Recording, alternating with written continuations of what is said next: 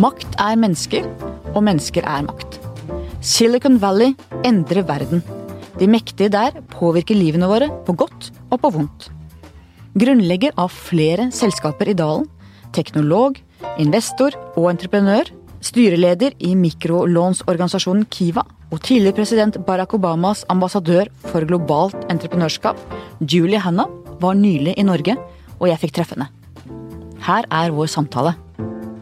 Julie Hanna, welcome to my podcast. Thank you. It's wonderful to be with you. The digital and technological transition the world is going through right now, which you are part of as one of the veterans of Silicon Valley, is altering our way of thinking, maybe even our way of being. We will come back to this, but first, we met at Berkeley University in California a couple of weeks ago when you were lecturing about innovation at the Schibsted Leadership course. Tell me, how do you define innovation? Well, you know, I, I think um, maybe how I think about innovation is what is the spark of it, and um, really, it's born out of I think kind of a universal um, phenomenon that we all have, which is sort of this relentless pursuit of a better way. And that can be observing something in our day to day lives. It can be thinking about very large problems. So, you know, it can range from the profound to the mundane, but I think fundamentally it's rooted in that. Um, I uh, oftentimes the solutions to problems or new ways of doing things come out of the um, unexpected. And I think one of the, the lessons about innovation is that it is a often and usually a nonlinear process. It's not something where you sit down and you say, okay, you do step one, step two, step three, and voila, you have something innovative. And so a lot of what we end up doing in Silicon Valley is um, you know, sort of examining the art and the science of the innovative process. How do you codify it? Uh, I think one of the things that we we often say is that innovation happens at the edge of reason um, which is what why we have such a tolerance for really unusual and what um, others might say, kind of say crazy ideas. And crazy people, and maybe? crazy people, and uh, and and oftentimes those ideas are crazy. But what you one learns is that there's a sort of fine line between kind of crazy and world changing, and um, the only way to discover that is to have sort of a, a curiosity um, about it and sort of try to live at that edge of reason. You have used the word uh, that it gro grows from what you call a pain point. Can mm -hmm. you mm-hmm. elaborate on that?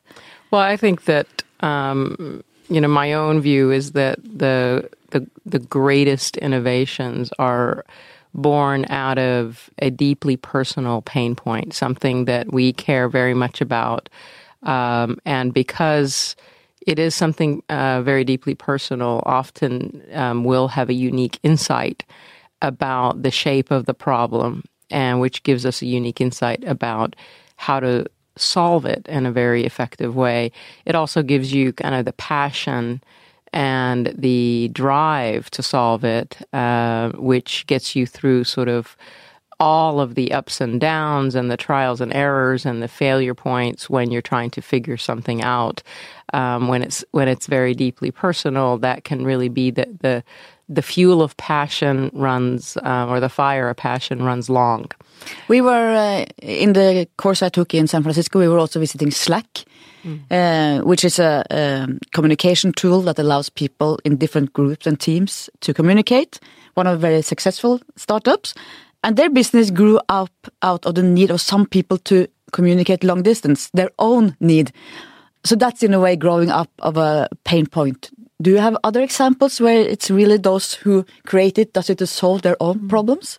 Yeah, that's a great example. Um, I, you know, I think one of the probably the ones that we talk about a lot because it was so unexpected was the the origin story of Airbnb, where you know, sort of uh, Brian, Joe, and Nate, the three founders, they were roommates. Um, one of them moved out. Uh, rents in San Francisco had gone up very high, and the only way they could afford to stay was to rent a room and so they blew up an air mattress and rented the room and you know i think there's probably um, fewer existential sort of pains than not knowing if you can make the rent Um, and so this idea that, you know, who would have ever known you could build a business on renting rooms and, and certainly within Air Mattress, um, Airbnb was sort of the name originated from, from that, the original story. So I, so, you know, that one's a, a really great one. Um, uh, you know, I like the I like the uh, Netflix one. Um, you know, with Reed Hastings, sort of, um, uh, you know, legend goes that he uh, um, had late fees on the DVDs for the movies, and they had accumulated so high he was too embarrassed to tell his wife, and you know, came up with the idea of getting rid of late fees altogether. So, I remember I lived in the US ten years ago, and then Netflix was actually the DVDs coming in the mail to people, and they could send it back when they wanted no late fees, and they actually managed to transform in the digital era into what we see now, which is streaming series. It's a rare example of an old established business which really renew itself. Exactly. And you know, and again, when you, you know, they they are quite a brilliant and amazing company, but when you look at their journey in making that transition, which few companies make successfully, they had many fits and starts and very public uh, uh, moments where the world kind of said, "Oh, you know, they've fall, you know, they have fallen. They're not going to recover." And yet, that persistence, the resilience, the sort of iteration until they got it right, sort of helped them cross that chasm. And and so it's it's one of those few cases where a company does make that transition. So, what do we need most in innovation? Most passion or most cold and rational dispassion? Well, uh, now uh, you're you're that's a great um, that's a great tee up for my favorite thing to say about entrepreneurship um, is that I think when you're innovating and when um, uh, for entrepreneurs, I think the hardest thing in the world to do is to hold these two opposing things in your mind at the same time. Um, you have to be passionate enough that um, your vision for uh, the idea you have, your hypothesis for the future that you're trying to create, when no one else sees it, you have to have enough passion to stay the course and believe in it.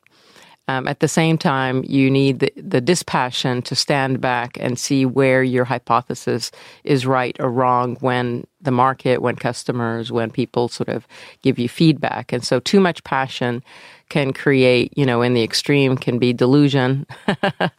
um, too much dispassion can cause you to give up too quickly. That's oftentimes why when um, you know, young companies bring in, say, quote, professional management, um, the you know there's there's you know you get the skill set of professional management but oftentimes there comes a dispassion where um, there's a there's a uh, they're quicker to um, conclude oh there's really um, not a real business here because you know when when there are challenges whereas the entrepreneur is kind of saying okay you know w- w- this didn't work the next one might and they keep going and how important is risk taking in this innovation process well, I don't think you really have fundamentally can have innovation in any meaningful way without taking risks.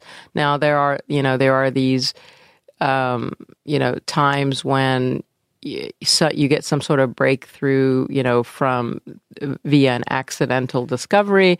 But largely, I think of them as two sides of the same coin. So without risk taking, you you don't have innovation risk risk is about the downside, innovation is about the upside. Um, one of the things we do uniquely in Silicon Valley that I think is very different from any part of the world is that you know we think about upside first. You know, what big problem can this solve? How big can it get? How how could it change the world? And then we manage for downside risk after that. I think in most you know sort of worlds and certainly organizations and com- big companies and uh, cultures all over the world you know, we're taught to manage for downside risk first, which by definition puts a ceiling on how much you can innovate. And so if you flip it, you get very different results. So it's about freeing your mind, basically. Yes, exactly. Yeah.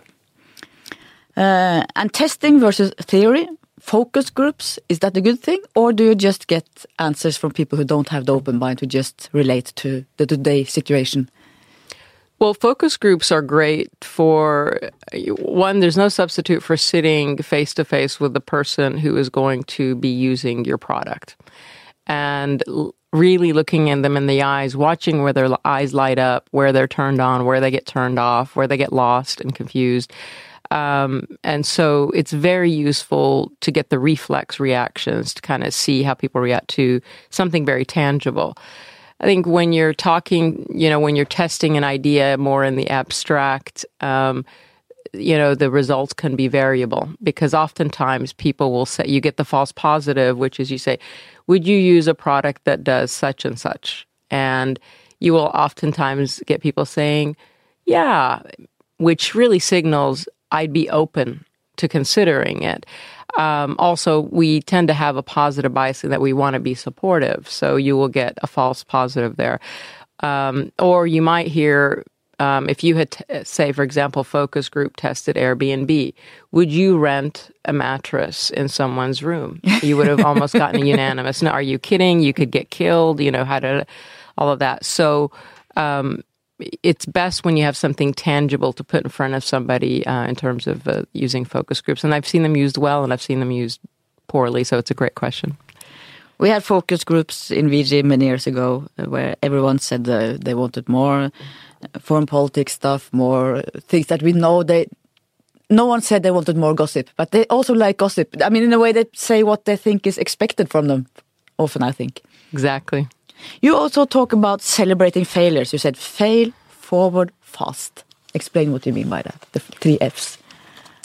Yeah, you know the the failure. Um, this shorthand, which is we popularized in the valley, we have all these shorthands that um, as a way of codifying certain mindsets and operating principles. And um, as it's become more popular, I think it's often misunderstood.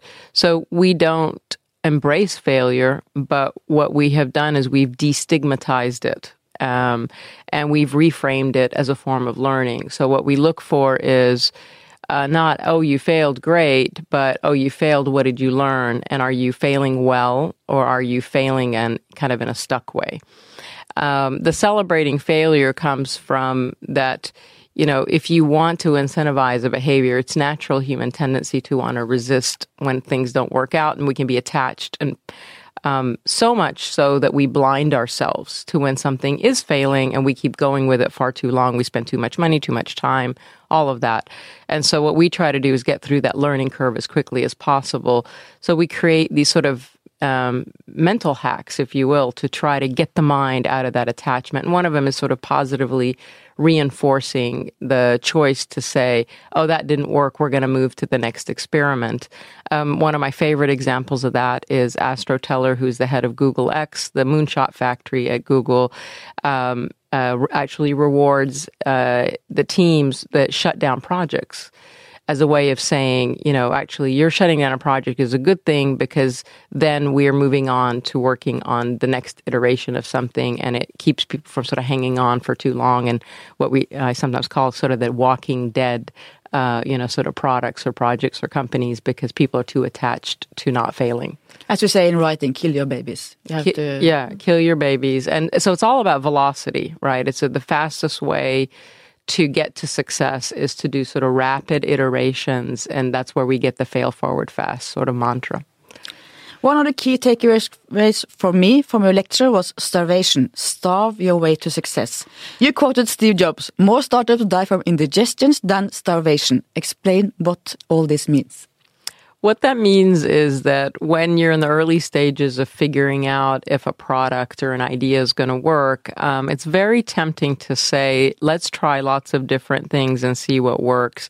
Run a lot of experiments essentially at the same time. We don't know what market will adopt our product, so let's go try to sell it to lots of markets. Or we don't know what features are going to be popular, so let's put a ton of features into the product. We don't know what pricing or packaging will work. Let's create lots of different ones. And so the, or chasing too many customers in two different markets. So all of those things, what ends up happening, um, it, and it's kind of a very logical, intuitive wisdom to think that's what you do. But in fact, what ends up happening is you become divided against yourself. You run too many experiments, which means you end up having running a lot of ex- half experiments and then it becomes very hard to sort of what feedback from which experiment tells you what. It gets sort of complicated. Um, your resources are divided across all these things.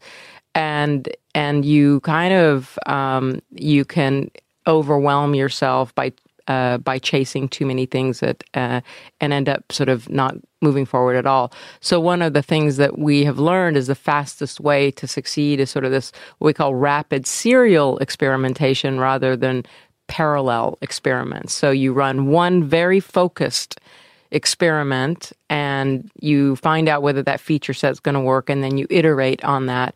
And uh, the starve your way to success um, mantra comes from the fact that the fewer resources you have, the less money, the the less you know people on the team, the more focused you'll be because time and money are the enemy. And so you're not going to run a bunch of experiments. You're going to say what three features in the next month can we get into the product that we think have the highest likelihood of success you focus on those you focus on the feedback you take away one of those features you add another and you move very quickly with kind of short fast um, lean, um, cheap experimentation. That's what we find is sort of the fastest way to move ahead. And it's very counterintuitive. I, I bring it up often because a lot of times when larger companies are trying to innovate, what they tend to do is say, oh, you know, we want to really be be um, prioritize this, and they will put a lot of lot of money, a lot of staff, and actually it just puts you in the slow lane, um, and you run too many experiments. You said nine women can never have a baby in one month. I love that expression. yeah, that's that's a uh, that's a you know one from I don't know if they still use that anymore, but a long time ago that was sort of uh, whenever we'd have engineering schedules that were too far out, and we say how do we you know let's put more engineers on it, let's bring in the date. Um, you'd inevitably get to the point where actually maybe you could bring it in a little bit, but but there's the gestation period for certain things is what it is, and more women will not help you get that baby in the month. So yeah. I learned an expression expression in this course while in San Francisco: less and obsess. I love that. Less and obsess. Scale down. And you told us the real big and successful companies like Google tend to build small teams. What tendency do you see in Norway as an advisor to Innovation Norway? We are a wealthy country with lots of resources. Do we have the self-discipline to live by the rule less and obsess?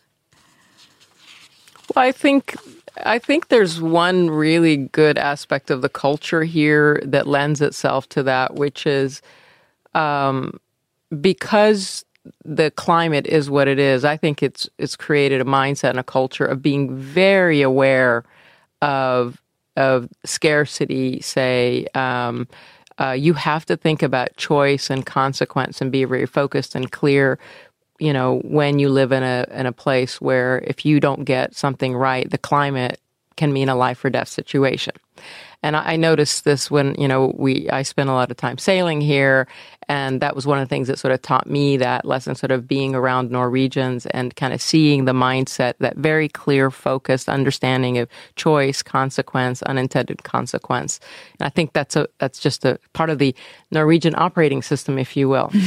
uh, so to that extent, I think it does lend itself to that. Now, at the at the same time, you are very uh, resource rich and to the extent that that has created a sense of um, you know, gee, we can we can put a lot of resources on something, then you want to manage for that. But by and large, what I've been struck by is the discipline and the pragmatism um, that is brought to how to manage kind of the resources very successfully. That um, you know, uh, it's the well, we have abundance, but we want to we want to be disciplined and mindful in the way that we manage that abundance. I think probably the biggest consideration is less about Norway and more about when you have big companies who their advantage is to have scale of resources and the temptation i think this is universal this is not norwegian companies the temptation is to say all right you know we're just going to throw a bunch of resources at this because this is important we have to win.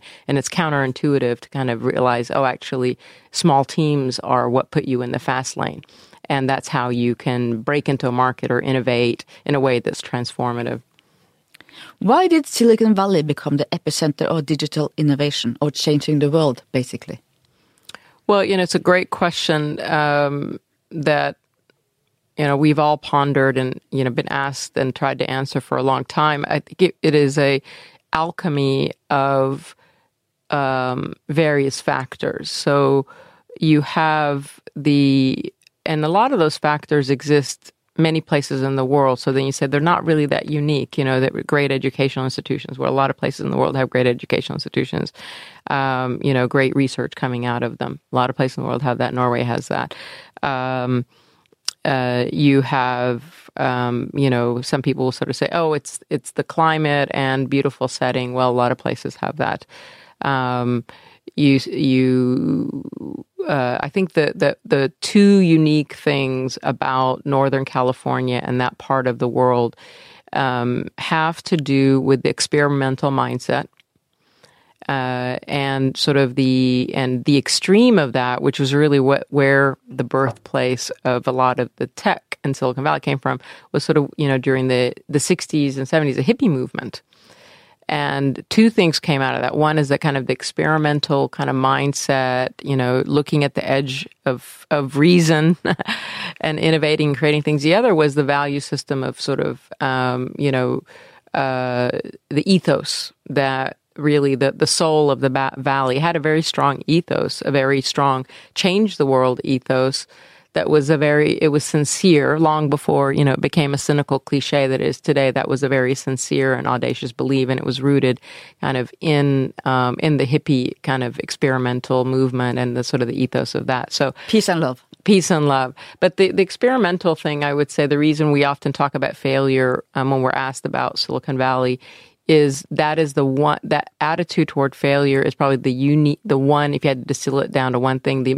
one unique thing um, that makes the valley what it is. We've destigmatized it. We've decriminalized it from a policy level. It's easy to start a company. It's easy to hire. It's easy to uh, bring a company to closure, to let folks go if the company doesn't work out.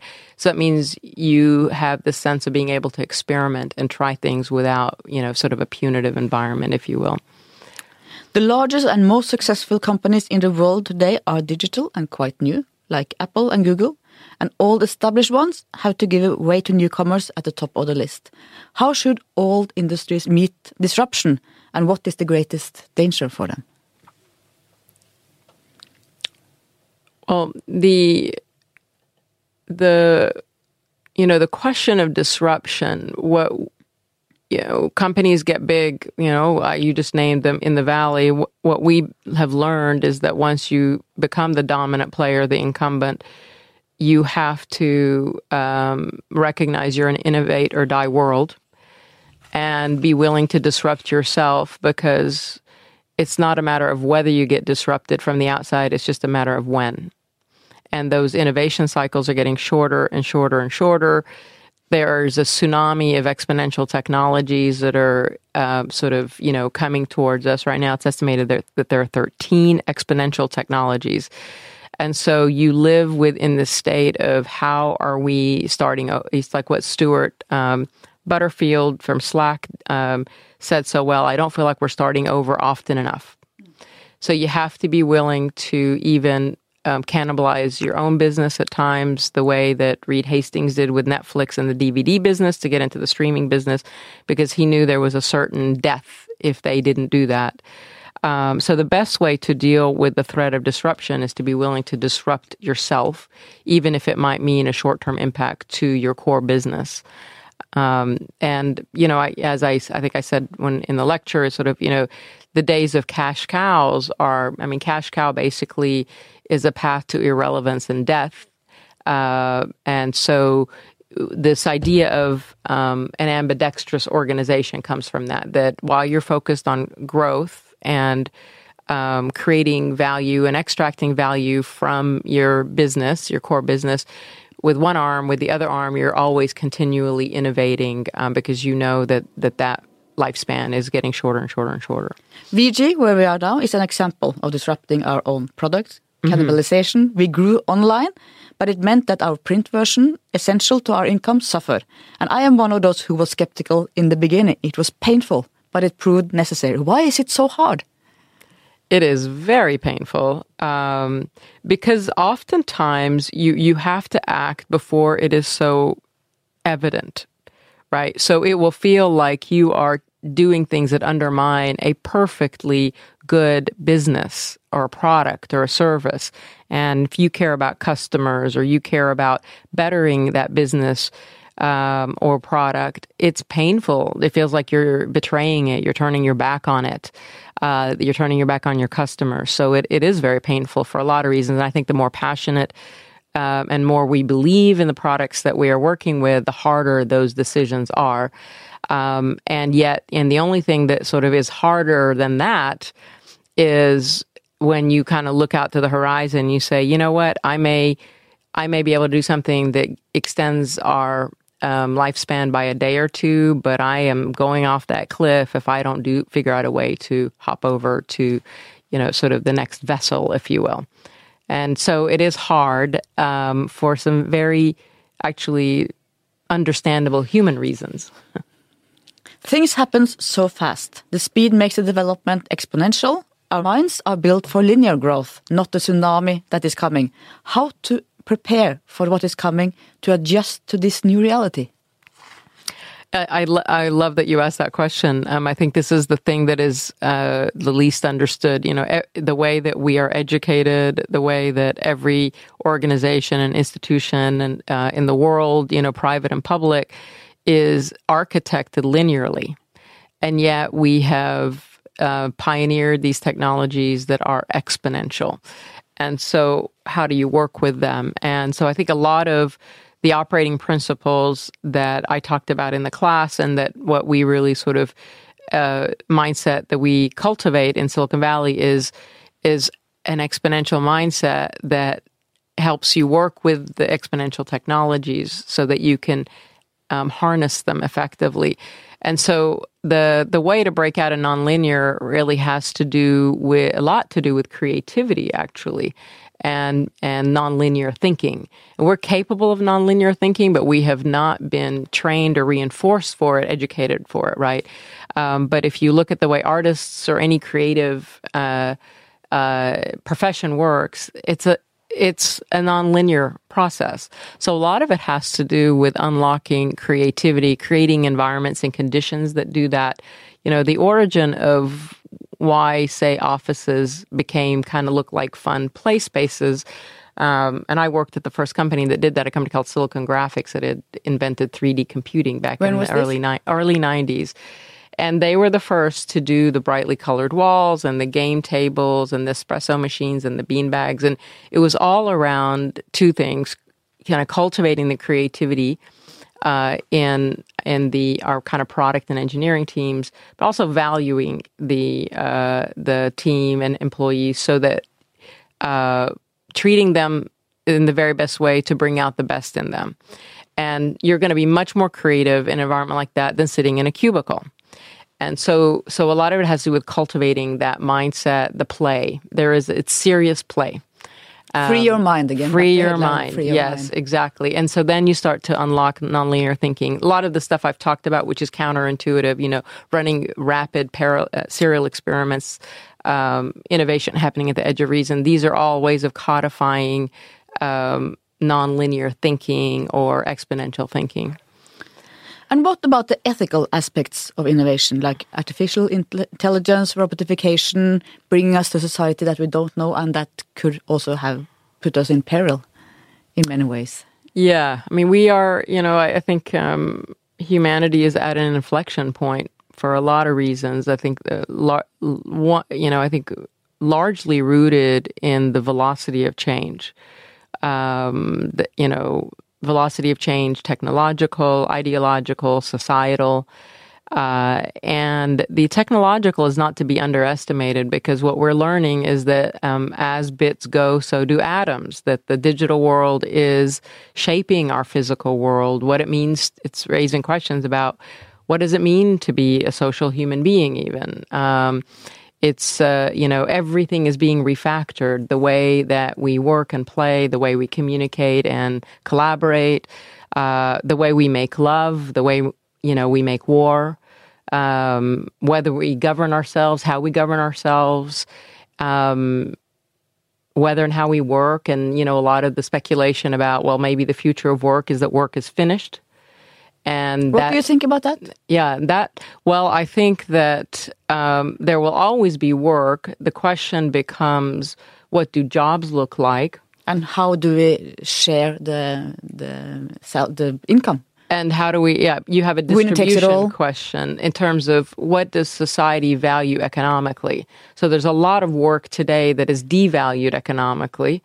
There's a lot of work that is overvalued economically. So we already have a distribution problem today, you know, if you will. I mean, I think that there are eight people in the world that um, own more wealth than um, the half the world. So we already have that escalating kind of situation. So you have a distribution problem in terms of economics. Um, but I, but the the question about you know sort of the ethical considerations is that we need to shift, and we're starting to to a um, asking sort of very deeply and thoroughly and rigorously the questions of choice, consequence, and unintended consequence when it comes to new technology, new products. And that's a shift for us because largely I mentioned this experimental nature of Silicon Valley. What we've done is we run experiments and we kind of say, well, if it works, that means it's because people are using it. That's all good. And we have to now sort of say, well, actually, we may discover far too late whether an experiment is working the way we thought it was. For example, what's happened with Facebook and the fake news and Russia and the addiction to mobile phones and you know all of that. So um, we have this very interesting tensions around what are the ethical considerations of the products we're building. Um, do our economic models incentivize us to drive people to be addicted to our products? Good questions. Everyone who has kids see how they get glued to the Yes. screen, and we don't know what to do about it. Yeah. So when you you know it's when you have ethics and economics at odds with each other, that is going to be fraught with issues, and I think we've got some of that emerging now, and it's something worth really actively grappling with. And also at the campus at Berkeley, they have uh, developing CRISPR, a technology that allows genetic manipulation. Some people even dream about eternal life, fighting death. There are some perspectives that's really mind blowing. Yes. Yes. Yeah. I mean, it's, I I think one of the risks is that if you only look at the high side of what can be done with something and you don't look at the unintended low side, then you create risk for humanity, right? So there's this, um, I don't know if you saw the killer drone video that's making the rounds this week. It's pretty terrifying. Um, it's about these sort of little mini drones that have their own intelligence to kill surgically and you see it and it's quite viable apparently it's done with technology that exists today and it was done by a berkeley uh, professor um, uh, who works in ai as kind of he gives a little public service announcement at the end kind of saying you know this is it as a, an awareness raising campaign like this is where we're heading if we are not more mindful and so there are, um, but what's brilliant about this video is it has the founder of this technology on stage presenting and talking about how this is such a wonderful te- technology because of all the great things it's going to do. And then he, when he shows the demo and you see what it's doing, you know, it becomes apparent the, the very dark, dark side of it. And so I think a lot of the vulnerability is that we blind ourselves to the dark side of it until far too late, particularly as the inventors and innovators of the products, because we're t- we become attached to all that's good about them, and we are blind to the dark unintended consequences. and We see that happening with, you know, Mark Zuckerberg's has sort of a pretty consistent pattern of when something a revelation about Facebook comes out, he will, you know, uh, deny it initially and say, "Oh no, this is overblown," like with fake news. This is or um, the Russia stuff. And then there's kind of a slow realization, more information, the pressure builds, the public conversation, the data comes in, and then gradually there's sort of a growing recognition. And so we need to figure out a way where that recognition happens sooner and sooner and sooner. And maybe we're even anticipating it before we're unleashing these products on the world. Yuval Noah Harari, who wrote about uh, these things in his book Homo Deus, is asking if you are trying to make humans the new gods. What do you think?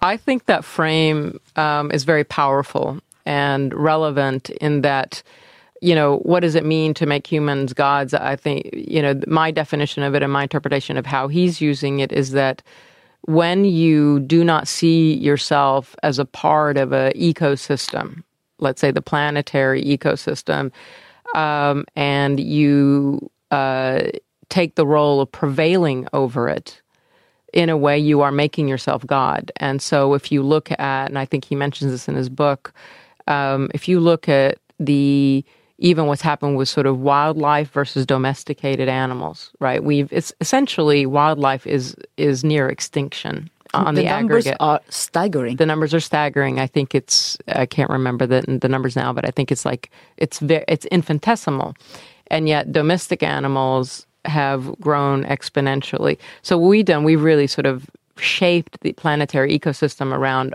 with us at the center without thought to whether it can function like that. And I think that so I think that that point is is well made um, because we don't we are not living um, with a humility to be uh, actors as a part of an ecosystem and looking at the balance. And I, and I, I grieve the loss of our sort of the indigenous wisdom um, that is was con- is connected to the planet in that way. It's one of the things I love most about coming to Norway. That that um, you know Norwegians and the culture here is so intimately tied to nature and to the ecosystem and it's just a part of the fabric of how you breathe and live and work and and function i think um, uh, i draw great inspiration from that and i think it's why you know in a resource abundant uh, corner of the planet that you have, you've been such phenomenal stewards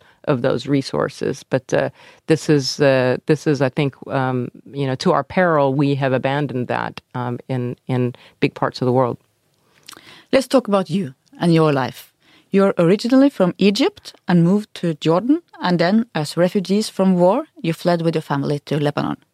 At the age of seven, you came to Alabama, United States. Tell me about your upbringing. Yeah, it's um, so that's a that's a good rundown. Um, I mean, I think uh, I I never th- I didn't think about much about my upbringing until uh, um, a few years ago when I kind of was taking a moment to reflect, as one does, sort of connecting your, the dots on your life, if you will. And I realized that, you know it's so unlikely I ended up on the front lines of the tech revolution here in Silicon Valley. How did that happen? And and then I started tra- tracing the footsteps of my life, and I said, my life started on the front lines of war. And it's such an improbable journey. It all feels like a giant accident. And uh, and I, you know, that sort of set me on a path of understanding really kind of how um, how those dots connected.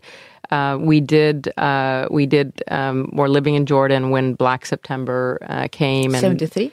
Uh, in 70 and 71. 71. Mm-hmm. And we were living in Irbid, which bordered Israel and was on the uh, uh, it, it was um, uh, ended up being on the front lines of the war, and uh, we fled. We were lucky. We, we managed to flee after. Um, uh, you know, some pretty intense experiences of. Actually, we came home one day and discovered rebel soldiers on the roof of our home, and and realized that we were being used as human shields. Uh, so we were living with um, basically constantly being bombed and and and uh, um, uh, fired at as a result uh, because of, of the rebel soldiers. But um, long story short, we managed to escape uh, and then eventually immigrated to the U.S. What would you say about being a child in war? Not many people around us has that experience yeah. anymore. What do you remember the most? What I remember the most um, was that you you know, children are much more adaptive than adults. You you normalize what's happening, but what really what happens is you're surviving minute to minute. You don't know what's going to happen the next minute. So I remember, you know, things like waking up in the middle of the night and when we would get bombed, we'd run to a hole in the ground, a kind of a makeshift underground shelter and kind of sit in darkness, not knowing what was going to happen. And, you know, minutes would become hours and, hours would become days and coming out and discovering everything that had been familiar was just completely torn apart and finding you know i remember finding bullets in the headboard of my parents bed and bullet holes in my sister's dress Uh, and, you know, I remember thinking, what would have happened if we hadn't gotten out in time and then being grateful that we had? Uh, you know, it's a lot of running and fleeing and, you know, the sirens and, uh, and it's just kind of a survival existence. Um, but I think that one of the, you know, the way that really shaped my way of seeing the world and my value system um, particularly after we came to the U.S., you know, we had the classic immigrant struggle. My parents were educated and resourceful, but they couldn't find work. We didn't have a place to live. Um, and there were very generous people who helped us at crucial times, but I always noticed that they looked at us a certain way, and I'd never seen people look at us that way. Um, and my parents also had this uh, expressions on their faces that I'd never seen, and I realized uh, much later that really what people were doing is they were pitying us for our circumstances. And my parents, while we were getting help, and that was very vital to us, I was also seeing their dignity chipped away. And so it made me think a lot about um, how we treat people when their circumstances are broken, and that, that there's a world of difference between pity and compassion. Uh, and and dignity is so vital in how we help people when they end up in extreme circumstances It made me think about, um, you know, how do you create a world that regards dignity as a human right? Um, how do you create a world that understands that pity is the near enemy of compassion?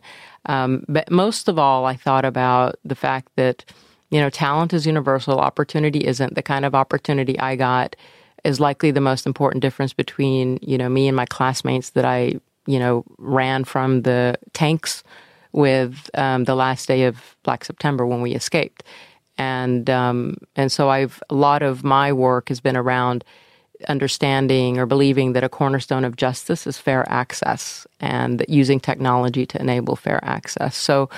Um, that's really been the th- red thread in everything I've done um, in technology is using it as a democratizing force to enable fair access to information, to communication. You know, I work with Kivas about access to fair access to capital. Uh, so that, yeah, that's a little bit about how my the dots connected for me. And your parents, what did they do uh, in the Middle East, and what did they do after some years in the U.S.? Um, my parents were working as teachers. Uh, actually, they were during the war. They were trying to help and working at a at a school uh, there in Irbid. Uh, and then after we came to the U.S., uh, my mom became a nutritionist, uh, and then also worked kind of in the um, social service sector. So. Strong woman. Strong woman, but of course, as a kid, you never think your mom is strong. It takes you growing up to realize that, uh, yes, very strong person in, in ways that she doesn't know herself. Uh, what would you say is the main lesson from being a refugee that you want to share with the world? What should we learn from your story? You know, the main lesson is that um, the when you go through experience of being a refugee, it builds an adversity muscle that is a superpower.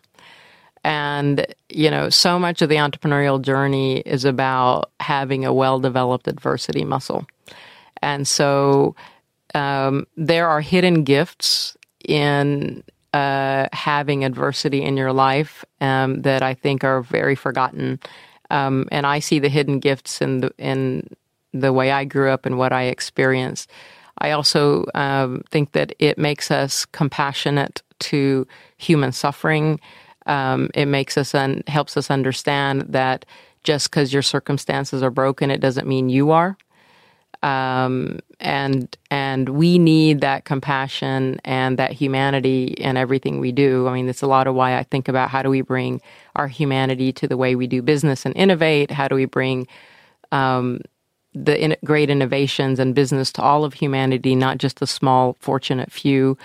Um, so I, I think you know that those are some of the very valuable traits. And then again, this point about talent is universal, opportunity isn't. So you know, I think a lot of what, uh, you know, I hope the world can come to see that um, refugees are not um, uh, victims by identity. They have been victimized by circumstance. And so uh, to pity them, to to look at them as needing uh, to be propped up and not see that and, and a, as a, a, burden and a cost of society rather than as a as a great re- resource and talent, I think is a is a there's a huge opportunity there, and if it's not taken, it will be missed. So that's what I hope um, that uh, we see. And you know, today there are 65 million people who've been displaced. I mean, my story is far from unique, and um, uh, and I think we've entered an era of permanent displacement because of global instability and climate change. And so, the countries that understand the potential for that, uh, you know, can, countries like Canada, like Norway, like you know, certain parts of Europe, I think are the, the countries of the future. The ones that are moving more into a protectionist uh, state, I think, um, are very vulnerable. You went through public schools in Alabama, a very talented student, and got a computer science degree at University of Alabama. What made you interested in that field? Well, you know, it was all quite an accident. I was, um, I loved math. I was good in math. There weren't a lot of options in math uh, uh, other than being a professor, and I was trying to figure out what to do. I went to college. I was 16 when I was going to college, which is way too young to figure out what you want to do. Um, and I, so I was pretty lost. And uh, my mom said, uh, you know, I hear there's this new field, uh, computer science, that's really promising, and you know, maybe you should do that. And I it was the only time I'd ever listened to my mother. I was like, okay, I'll try it. And so it was sort of a happy accident. Maybe we all should do that more often. Yeah, I think the moral of the story is, you know, listen to your mother. I don't know. she would be happy about that. but why are there so few women in technology? It's a great question. I mean, I um, I was the only. I think I was the only woman in my computer science class. Maybe there were one or two other people. Uh, um, but uh, interestingly enough, I think the numbers. So that was in the '80s. The numbers have actually gone down in terms of women in computer science. I think a lot of it has to do with the the way the computer science is packaged and presented that is not very appealing because it's it's sort of like oh you know here's a bunch of skills you're going to work on things, but it doesn't tell you what you can do with it. I mean, going through computer science, I had no idea what I was going to do coming out of college. I and I thought, is this going to lead to a life worth living? What am I going to do with this? It was very obscure. Uh, and so, if you liked tinker, like maybe some guys do, you were excited about it. But to me, no one said, "Oh, these are building tools to go." It's, it's, a language to go create really interesting, amazing things with. So what they find is that when they present it that way, it's very exciting and interesting to girls and and you know young women. So I think that's a big part of the problem, um, and we you know we're starting to address that, but it, it it's taking a little bit of time. But you, if I see I see young women who code in um, high school now, and you know they see, they're seeing it when they see it as a language to do creative things or things that they're interested in. They light up. They're on fire. Um, um, if they're if it's not presented to them that way, then it's like, well, I don't. It's like, why do I want to learn Latin? Mm. Right. Yeah. It's sort of the equivalent of that. But when they learn, oh, this is like the universal language to do like very powerful things I care about, then they're all in. Women and girls, unused talent both in our wealthy societies and in developing world. Silicon Valley, Shipstead, a village in Congo. That brings me to Kiva. That is development with dignity, not pity. Tell me about Kiva. So Kiva, um, you know, uh, essentially uh, was um, born out of this insight that, you know, the half the world's population lives on less than two dollars a day. It's a microfinance institution. It's a uh, crowdfunding, crowd crowd lending. Yes. So, um, and it and uh, what we what Kiva sought to do was connect people through lending on the internet. Um, uh, to reach those people, most most of them are entrepreneurs out of necessity, and so it was this insight to say, how do we teach the world that they are entrepreneurs that need a loan, not poor people needing a handout? And and what kind of the innovation that came out of that was the world's first crowdfunding marketplace.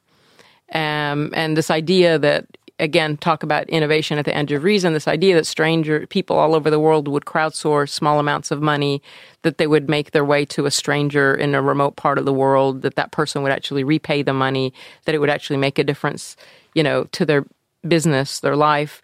That that whole thing just seemed impossible. Um, and yet, eleven years later, um, over a billion dollars has been loaned. 97% of it's been repaid. Almost 3 million entrepreneurs across, you know, 190 countries, um, lenders and borrowers. So it's become this global marketplace. Um, but even more important than that, it's given way to a, a trillion dollar industry of thousands of crowdfunding and peer to peer lending companies that have unlocked um, tens of billions of idle capital. You know, sort of, I call it the world's bank, sort of a bottoms up grassroots uh, Less bureaucratic. Yeah. Uh, well, no institution. It's people to people lending to each other. Yeah. What is this really about? Well, it's really about democratizing access to capital um, in a radically decentralized and crucially equitable way. It's also about uh, dignity and entrepreneurship. You have traveled the world both with Kiva with President Obama and in so many other ways. Being originally from the Middle East, growing up in the US, married to a Norwegian, how will you describe the different regions when it comes to innovation cultures and ability to face the time we're in? That's a great question. I mean, I think I go back to noticing the cultures um, that are the most creative. Um, because that's a value of the culture or out of necessity, right? So you have this, the, we often say necessity is the mother of invention. Um, and my twist on that is, you know, uh, scarcity is the mother of innovation. So, you know, some of the most resourceful, innovative, creative entrepreneurs on the planet are the entrepreneurs that I've met through Kiva, um, who wring something out of nothing, and the things that they do with nothing are will just blow your mind. Um, so I I see that as a, um, uh, as a kind of a thread. Uh, you know, going to Cuba um, with the president uh, last year and seeing again where you have this resource starved environment and how inventive and happy and creative the Cuban people are and how entrepreneurial they were, even though entrepreneurship was illegal in the country uh, you can just see how the as a, then there's a, a, a Buddhist saying, so the lotus flower grows out of the mud. Um, and then you know when I look at, I have a so much admiration, uh, and I draw a lot of inspiration from the time I spend in Norway and in Scandinavia, but mostly Norway, because when I come here, I always feel like I'm visiting the future um, you know, sort of this, uh, and I, you know, William Gibson, the science fiction writer, said the future is distributed, uh, the future is here, it's just not evenly distributed. And I always think that when I come here because um, there is a, a very kind of um, humanistic and progressive mindset um, on so many levels. There's a there's a creativity and a beauty.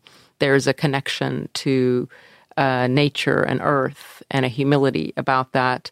Um, and there is a stewardship and taking the long view in, in terms of choices and consequences. There's an understanding of, um, you know, sort of the role that social f- fabric and social safety nets play um, in a way that's not stigmatized and and I I think that is fundamentally what our society of the future um, is is a, is is about. So I draw a lot of inspiration from Norway in that regard, and I and I do think in the in the same way that. Um, you know, usually, like when we innovate, uh, one of the, one of our rules of thumb uh, when we create things in the valleys is sort of you think global and then you act very local to try to prove something out, and then once you know it's working, then you scale it. And so I often look at Norway as sort of the um, the petri dish of our future society.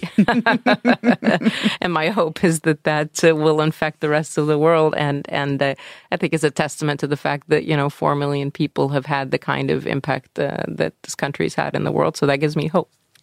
And how do you describe the significance of religion in the different uh, regions and societies, and especially in the digital era? Will religion survive? You know, religion, I think of religion as like language. And um, they they're all expressing the same universal human needs, but in different ways. And so uh, and so, will there always be different languages of expressing human need? I think so. Um, I think that the the challenge we have now is is in a way to use a language metaphor. It's like you speak Norwegian, I speak English, um, and then I insist that English is the only language. Do you believe there is and a God somewhere? I believe that I believe that there is a a God inside of us that that is the highest side of our nature, and I believe there are universal powers we do not understand, um, and and so the and I think that what I believe is that when we are all connected to the highest side of our nature, we understand the interdependence between each other, between you know all of the the, the, the living things on the planet, the planet itself. That is God when we are disconnected and individual uh, about it, then that's the lower side of our nature. And so that's my language for expressing it. But I like that. As a I like that expression. Finally, my re regular question What will be the story about you? Julie Hanna, that was the woman who. Um, that was the woman who was passionate about creating a more just, free, and abundant world. Wonderful. Thank you so much for taking your time. Thank you to those who listened. Thank you to researcher Grete Ruud and our producer Magne Antonsen. We will be back next week.